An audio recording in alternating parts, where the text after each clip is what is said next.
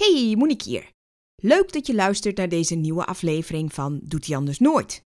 Deze aflevering staat in het teken van angst, of nog specifieker in het teken van angst voor geluiden. Wat moet je doen op het moment dat je hond bang is voor bijvoorbeeld onweer of vuurwerk? Of zoals in het geval van het voorbeeld dat ik in de praktijk heb begeleid voor een tikkende cv.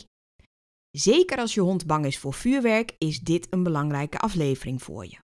Want als je wilt voorkomen dat er dit jaar opnieuw een doffe ellende is met de angst van je hond, is nu het moment, of in elk geval voor oktober, om ermee aan de slag te gaan. In de vraag van de week geef ik het antwoord op de vraag van Helene.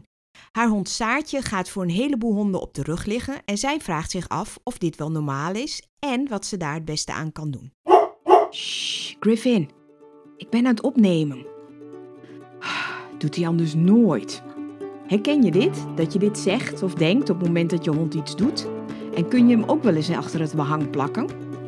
Ben je dol op hem, maar word je ook wel eens een beetje gek van wat hij soms kan doen? In deze podcast Doet hij anders nooit vertel ik elke week waarom je hond dat doet, hoe dat komt dat hij het blijft doen, of misschien ook wel niet, en natuurlijk wat je eraan zou kunnen doen. Ik ben Monique Bladder, gedragstherapeut voor honden. En net als jij heb ik zeker niet de perfecte honden maar wel de allerleukste. Ondanks dat ze soms dingen doen die ze anders nooit zouden doen. Misschien vind je het een gek moment dat ik nu met je begin over vuurwerk, want we zitten midden in de zomer als ik deze aflevering maak. Maar het is juist nu het moment om je er alvast in te verdiepen en liever nog ermee aan de slag te gaan als je hond bang is voor vuurwerk. En als je nog eerst vakantie gaat vieren, is dat natuurlijk ook goed, maar Weet dat je echt wel voor oktober moet beginnen om je hond verder te helpen met het vuurwerk. Het duurt namelijk wel even voordat je de angst van je hond hebt verminderd met behulp van training. Maar die training is natuurlijk niet het enige dat er moet gebeuren.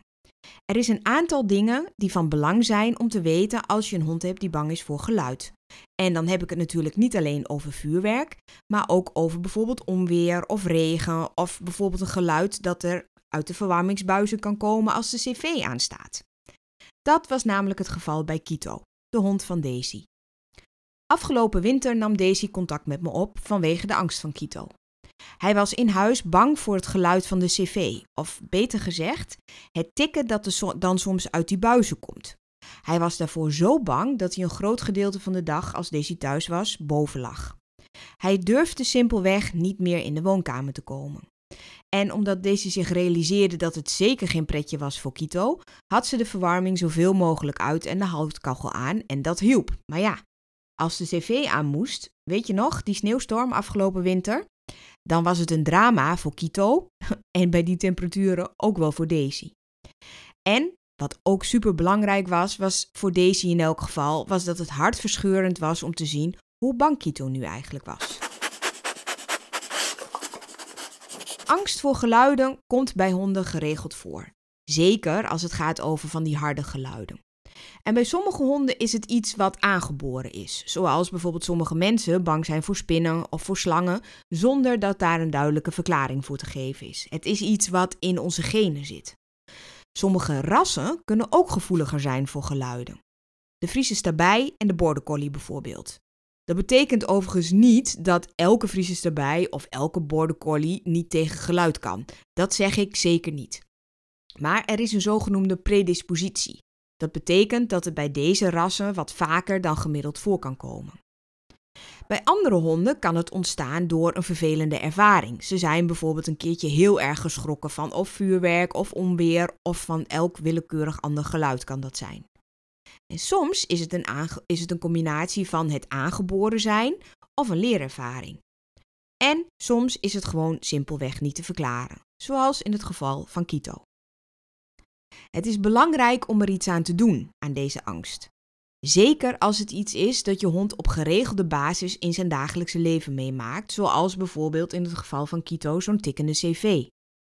Maar als je hond bang is voor een willekeurig hard geluid, zullen er op verschillende keren op een dag van die schrikmomenten zijn. En dan is het voor het welzijn van je hond niet oké dat je daar niks aan doet. Het kan ook zijn dat je hond in een groot deel van het jaar prima functioneert. Bijvoorbeeld bij angst voor vuurwerk of voor onweer. Er is natuurlijk een hele periode in het jaar dat er geen vuurwerk of veel minder vuurwerk is, of geen onweer of maar heel weinig. Maar dat er dus in andere delen van het jaar er wel veel angst is. Zodanig bijvoorbeeld dat je hond niet meer naar buiten durft. En dan heb ik het niet alleen maar over oudjaarsavond. Dat is natuurlijk ook hartstikke vervelend. Maar als het daarbij blijft, kun je nog overwegen om te denken: oké, het is één dag in het jaar, daar ga ik niet een heel trainingsprogramma voor opzetten. Maar als het ook de weken, of laat ik beginnen bij de dagen, de weken, en het komt echt geregeld voor de maanden voor oudjaarsavond een probleem is, en ook daarna, ja, dan wordt het echt wel tijd om er iets aan te gaan doen. Je vraag is natuurlijk: oké, maar wat en hoe dan? En ik kan je in een aflevering van een podcast niet een volledig behandelplan uitleggen. Al was het alleen maar omdat het natuurlijk per hond en per eigenaar weer net iets anders kan zijn. Maar ik zal je in deze aflevering de grote lijnen aan je uitleggen. De dingen die je in elk geval wel kunt doen en wat je niet kunt doen en hoe je daar verder op zou kunnen bouwen. Als eerste probeer blootstelling aan het geluid waar je hond bang voor is zoveel mogelijk te voorkomen. En ik weet zeker dat er nu mensen zijn die dit horen en die denken: ja, maar ik kan het niet voorkomen. Ik kan niet op een knopje drukken dat het onweer stopt of dat er geen vuurwerk is. En dat snap ik en dat weet ik. En dat is dan wat het is. Ik zeg wel vaker, ik heb geen toverstokjes, ik heb geen pixie dust, ik kan niet zimsalabim zeggen en ik kan en het dan daarmee voor een hond oplossen. Ik zou het heel graag willen, maar dat lukt nou eenmaal niet. Maar soms zijn er geluiden die je wel kunt voorkomen, zoals in het voorbeeld van Kito. En natuurlijk kan het dus niet altijd, maar het is in elk geval een eerste stap. En mensen denken dan vaak, ja maar als die er nou nooit aan blootgesteld wordt, als die het nou nooit hoort, dan wendt hij er toch ook nooit aan. En dat voorbeeld, wat ik dan aan de hand aan van het voorbeeld waarin ik dat dan wil uitleggen, dat heb je me misschien vaker horen zeggen, maar ik vergelijk het altijd met het leren zwemmen van kinderen. Er is niemand, als het goed is, die denkt als een kind nog niet kan zwemmen, laat ik dat kind maar in het diepe duwen, want anders leert hij het nooit.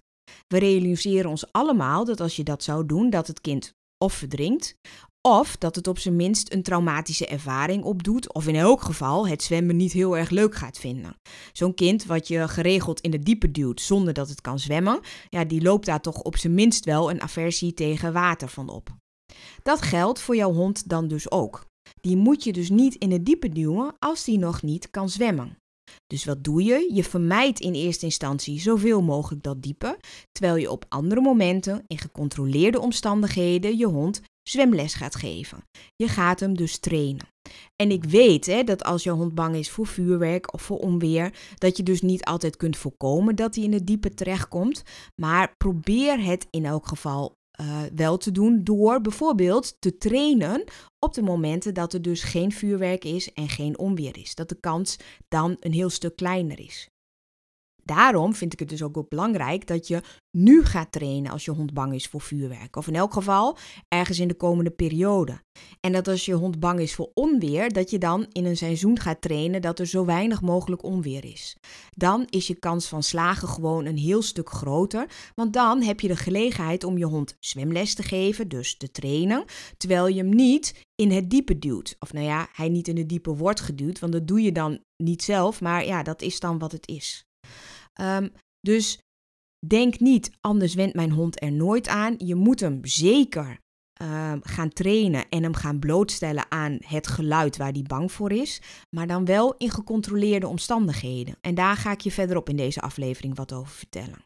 Ja, dus denk niet, anders wendt hij er nooit aan. Je moet dat rustig opbouwen.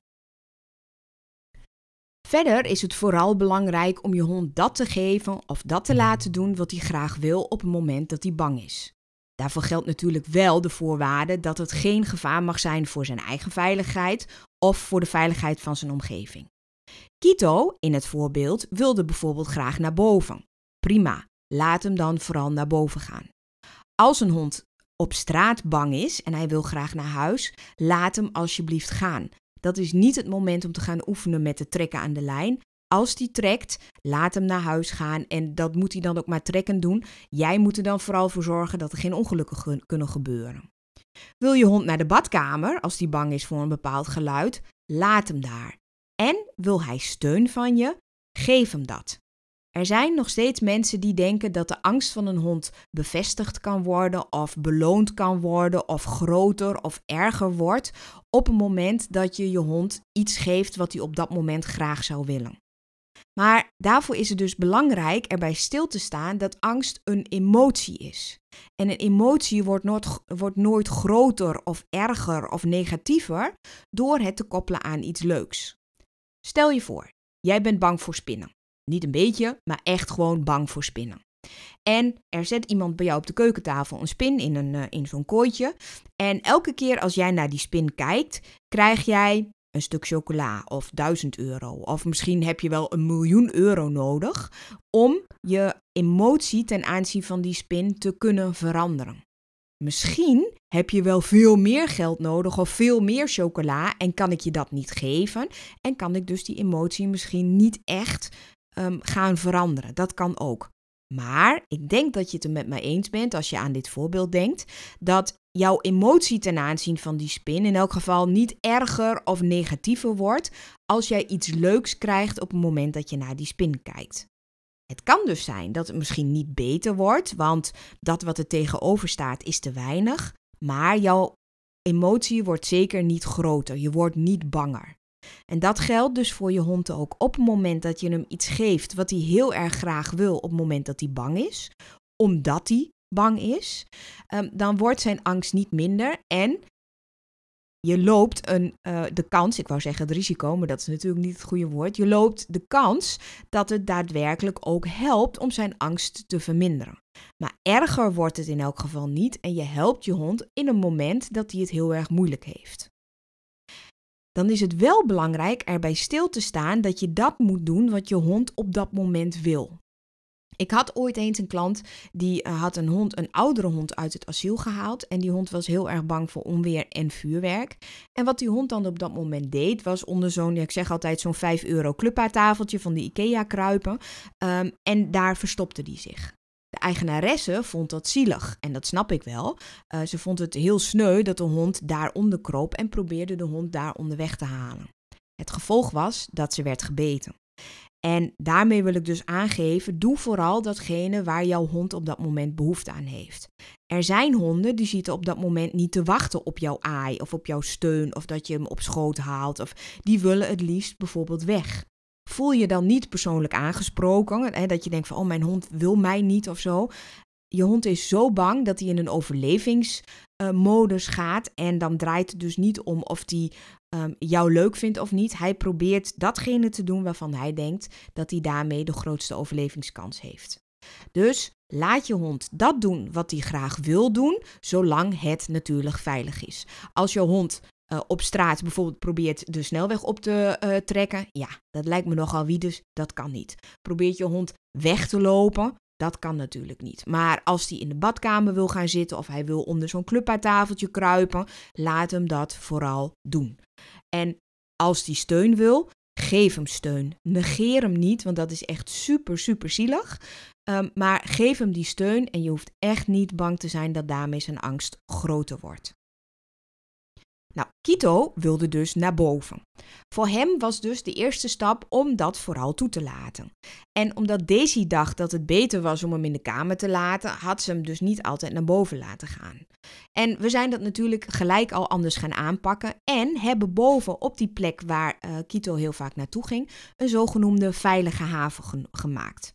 Nou, wat is dat nou, een veilige haven? Dat verschilt een beetje per hond, maar het moet in elk geval een plek zijn die voor de hond comfortabel is. En voor de meeste honden werkt het heel erg goed om een beschutte plek te hebben. Bijvoorbeeld onder de trap of onder een tafel. Of bijvoorbeeld een bench met een deken eroverheen. Waarbij ik dus dat deurtje open zou laten staan. Want het gaat er dan helemaal niet om dat de hond wordt opgesloten. Maar dat hij dus een plekje heeft waar hij zich beschut voelt. Ik vind het belangrijk dat er in elk geval ook water aanwezig moet zijn. Want er is één punt heel essentieel aan zo'n veilige haven. En dat is dat je niets van je hond vraagt op het moment dat hij in die veilige haven zit. Ook niet als datgene wat je op dat moment aan hem zou willen vragen voor de hond iets prettigs zou zijn. Bijvoorbeeld als je hem eten wilt geven of als je denkt dat hij naar buiten zou moeten. Als je hond een veilige haven heeft en hij zit in die veilige haven, laat je hem gewoon helemaal met rust. Je kunt misschien een stille hint geven door uh, te laten horen dat je de, de koelkast openmaakt op het moment dat je hond eten moet hebben. Of dat je iets met de brokken rammelt. Of dat je uh, bepaalde schoenen aandoet. Weet je, je kunt hinten dat er iets gaat gebeuren wat je hond misschien leuk zou vinden. Maar je laat de keuze volledig aan hemzelf. Een veilige haven is een veilige haven en een toevluchtsoord voor jouw hond. Veilig is veilig, ook als het jou op dat misschien niet, moment misschien niet uitkomt dat je hond daar in die veilige haven is. En door deze maatregelen of deze aanpassingen te doen en je van deze dingen bewust te zijn, maak je het in het algemeen al iets makkelijker voor je hond op het moment dat hij bang is. Maar je doet nog niets daadwerkelijk aan de kern van die angst. Die verminder je nog niet. Daarvoor zul je moeten gaan trainen.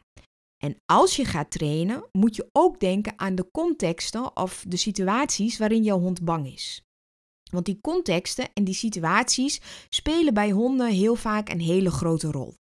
Ik leg het altijd zo uit, en dit is natuurlijk figuurlijk, want zo werkt het natuurlijk niet echt. Maar op het moment dat jouw hond bang is, op het moment dat hij de emotie angst ervaart, maakt hij een soort van foto of misschien wel een korte video in zijn hoofd, en daar op die foto en op die video staan alle verschillende um, dingen die hij op dat moment meemaakt. Dus stel je voor, hij is bang voor dat harde geluid.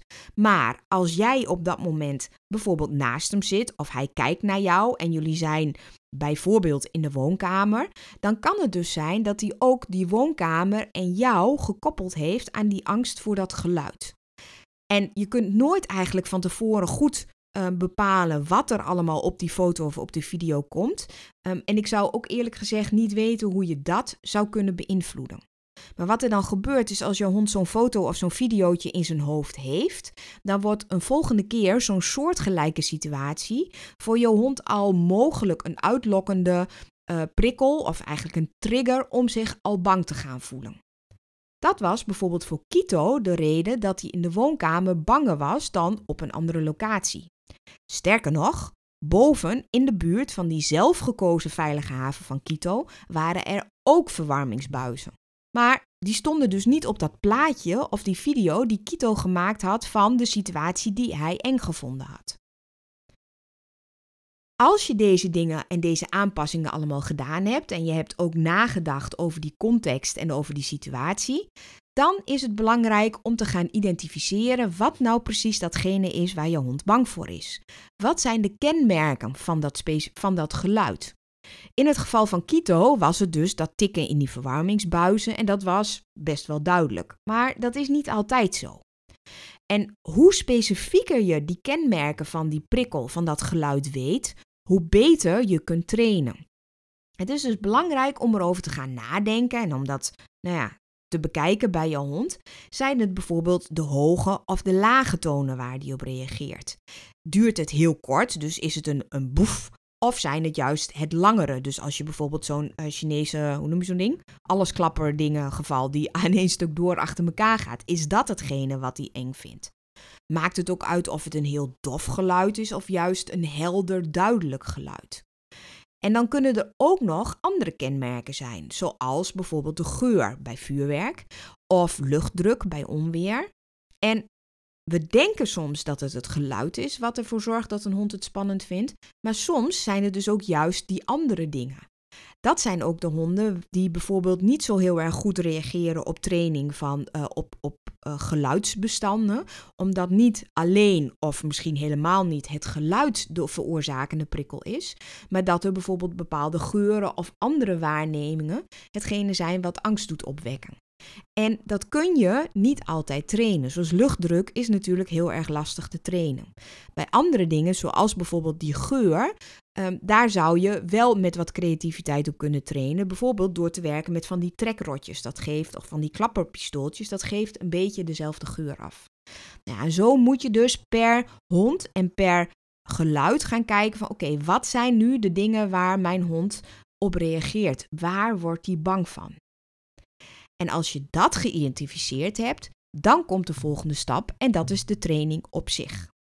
En heel in het algemeen is die training helemaal niet zo heel ingewikkeld.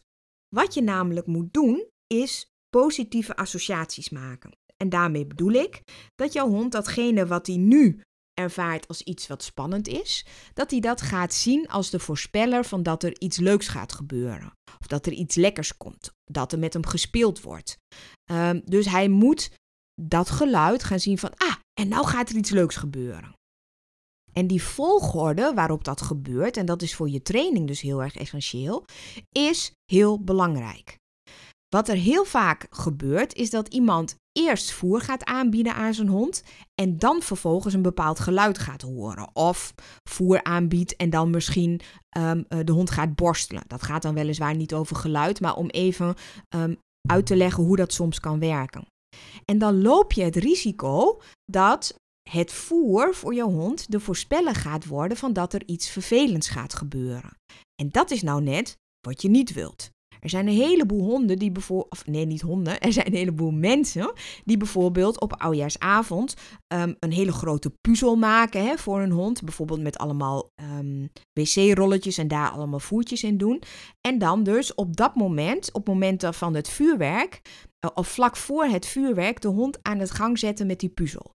Dat is prima als jouw hond geen negatieve associaties heeft met de geluiden. Als jouw hond niet bang is voor het geluid, dan kun je het op die manier voorkomen. Maar als jouw hond het al spannend vindt, moet je dat dus niet te vaak doen. Want dan kan het dus zijn dat jouw hond het krijgen van zo'n puzzeltje gaat associëren met iets wat er vervelend, iets vervelends wat er zou kunnen komen. Sterker nog, Ehm, er zijn theorieën dat dat een van de redenen is waarom sommige honden gewoon geen voer meer willen aannemen in training, omdat dat voor hen de voorspeller geworden is dat er iets vervelends gaat gebeuren. Kortom, zorg er dus voor dat je in je training eerst je hond blootstelt aan de prikkel, dus aan dat geluid. Um, en dan pas volgt er iets leuks. Dat zit wel heel kort op elkaar, daar moeten geen minuten tussen zitten. Sterker nog, liever zelfs geen secondes. Maar Eerst de prikkel, dan het voer. En je moet die prikkel aanbieden op zo'n danige sterkte dat het voor de hond wel waarneembaar is, maar dat hij daar niet bang voor is of wordt. Dus dat moet je zoveel mogelijk proberen in gecontroleerde omstandigheden te doen. Een geluidsbestand is daarvoor heel erg handig. En soms moet je dus ook aan andere dingen denken. En dan zou je misschien door middel van de afstand te vergroten ehm, ook nog meer controle kunnen krijgen over die prikkel. Zorg dus dat het voor de hond waarneembaar is, maar nog niet angstopwekkend. En ga het dus koppelen aan iets wat voor je hond heel erg leuk of lekker of prettig is. En dan ga je vervolgens opbouwen in allerlei verschillende fases en in allerlei verschillende contexten. Zoals eerder al gezegd, ik kan niet in deze aflevering een heel behandelplan met je doornemen en uitleggen, omdat dat ook heel erg afhankelijk is van waar reageert de hond op en wanneer ga je volgende stapjes zetten. Maar ik heb je nu denk ik in elk geval uitgelegd wat de grote lijn van zo'n training is.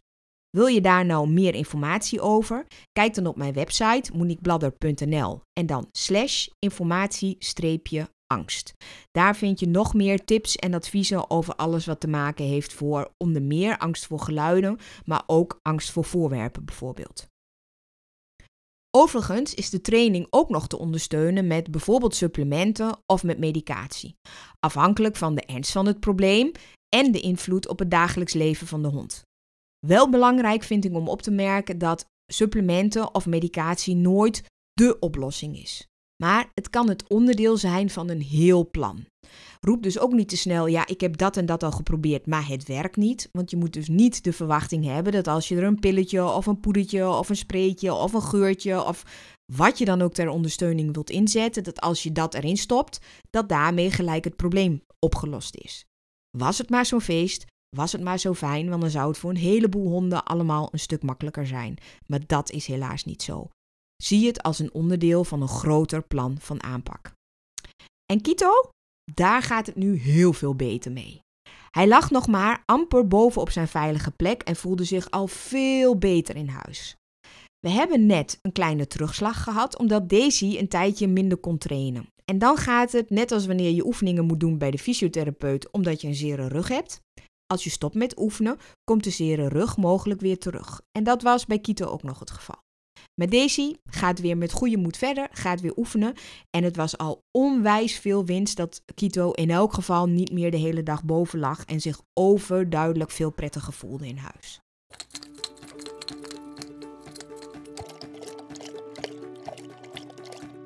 De Doet hij anders nooit? Vraag van de week. Hallo Monique. Mijn vraag van de week gaat over mijn toller teefje Saartje. Ze wordt in juli twee jaar, dus ze is nog een jonge hond. Toen ze pup was, wist ik het en vond ik het normaal dat ze bij een ontmoeting met een nieuwe hond elke keer plat en afwachtend vlak voor de hond ging liggen. Die mag dan snuffelen aan haar. Onderdanigheid, dacht ik. Maar nu doet ze het nog. En ze doet het ook als de andere hond pup van vijf maanden is. Hoewel ze dan na korte tijd wel genoeg vindt en er klaar mee is. Is dat niet raar? Bij honden die ze goed kent en die ze vertrouwt, doet ze dat niet.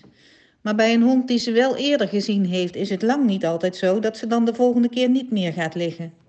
Dit gebeurt tijdens een wandeling aan de lijn in onze wijk. Ik kijk naar mijn hond en houd in de gaten. Maar ik vraag me wel af of ik niet gewoon krachtig met haar moet doorlopen en moet voorkomen dat ze gaat liggen. Groetjes, Helene. Dankjewel Helene voor je vraag. Dat plat liggen wat jij beschrijft, en dat is altijd een beetje lastig hè, omdat ik het dus niet kan zien. Dat is ook een nadeel van audio. Ik heb geen video. Maar het klinkt als, eh, ook omdat je het onderdanig noemt, hè, dat het vroeger onderdanigheid genoemd werd. Het klinkt als een onderdeel zoals je dat kunt vinden op de ladder van agressie. En die ladder van agressie, daar staan niet alleen maar dingen op die agressie zijn. Hè, dus daar staat niet alleen maar grommen en bijten of fixeren op. Maar die dingen die je op die zogenoemde ladder van agressie kunt vinden, dat zijn de dingen hoe een hond reageert op stress of op een bedreiging. Dat gaan liggen is dus voor Saartje een manier om ermee om te gaan op het moment dat ze zich wat zorgen maakt over hoe die interactie met de andere hond zou kunnen aflopen. En het klinkt alsof Saartje in de loop der tijd geleerd heeft dat dat dus een effectieve manier is om te reageren op andere honden die ze misschien wat spannend vindt. En het is dus helemaal niet gek of raar dat ze dat dus nu blijft doen. Ehm, en ja, het past ook wel bij het hele beeld wat jij omschrijft dat ze het niet doet bij honden die ze niet kent. Of sorry, die ze kent. Want honden die ze kent, daar maakt ze zich geen zorgen over hoe die interactie, hoe dat gaat aflopen. Honden die ze niet kent, ja, dat is misschien toch nog wel een tikkeltje spannend voor haar. Uh, en dat is goed, denk ik, om daar rekening mee te houden. Realiseer je dat je je haar niet kennis hoeft te laten maken met andere honden. Andere honden die voor haar onbekend zijn. We hebben heel vaak de verwachting dat het normaal is hè, dat een hond maar met onder andere onbekende honden overweg kan en dat hij zich daar geen zorgen over maakt. Maar dat is heel vaak niet zo. Het is dus prima als Saartje aangeeft van, joh, weet je, ik hoef daar eigenlijk niet zo nodig naartoe. En dat laat ze onder meer zien door op haar rug te gaan liggen, of in elk geval op haar zij te gaan liggen. Als je ondertussen allemaal gekke geluiden op de achtergrond hoort, Griffin is wakker, heeft besloten zich eerst eens even lekker te krabben, daarna uit te schudden en vervolgens mij af te lebberen. Dus als je denkt, wat hoor ik toch? dan is het dat. Misschien hoor je het ook niet hoor. Dat kan ik nu bij deze opname natuurlijk niet checken. Maar dan weet je wat je op wat je op de achtergrond hoort. Goed, Helene, probeer dus als het kan met die onbekende honden gewoon dat directe contact een beetje te ontwijken, um, omdat Saatje dat waarschijnlijk niet echt heel erg leuk vindt. En als dat om, de contact er met een onbekende hond toch is, Kijk dan of je het zo kort mogelijk kunt houden en lok haar dan vervolgens mee. Laat haar lekker interactie hebben met de honden die ze wel kent en waar ze het niet spannend vindt, hè, want dat zijn dan de honden waarbij ze niet op haar rug gaat liggen. En die andere honden probeer het gewoon lekker te vermijden. Ze hoeft niet elke hond leuk te vinden. En gefeliciteerd Helene, met deze vraag van de week win je een Bello Box naar keuze. Saartje gaat er vast lekker van smullen.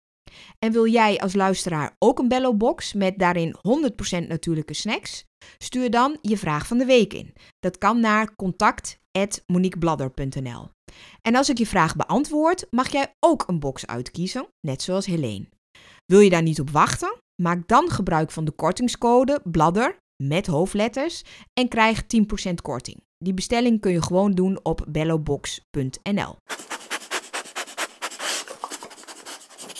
In deze aflevering heb ik het een en ander uitgelegd over angst voor geluiden zoals vuurwerk en onweer. Wat kun je doen? Wat kun je beter niet doen? En hoe ziet een training er in grote lijnen uit? Aarzel vooral niet en ga aan de slag. Als je in november of erger nog in december gaat beginnen voor je hond die bang is voor vuurwerk, ben je echt te laat. En is je hond bang voor onweer? dan is het beter nog even te wachten na het onweerseizoen om dan echt te gaan trainen. Ik hoop dat je dan wel alvast iets hebt aan de tips die ik je hier gegeven heb. Wil je meepraten over dit of over andere, andere onderwerpen met betrekking tot het gedrag van je hond? Ga dan naar de gratis Doet hij anders nooit club op Facebook. Dan hoop ik je daar te zien en te lezen. Bedankt dat je hebt geluisterd naar Doet hij anders nooit. Ik hoop dat ik jou en je hond wat verder heb geholpen. Wil je geen enkele Doet hij anders nooit missen? Abonneer je dan op mijn podcast en nog beter, laat een review achter. Zou ik super blij mee zijn. Wil je dat ik jouw vraag ook beantwoord in deze podcast? Mail dan naar contact@moniquebladder.nl. Tot volgende week.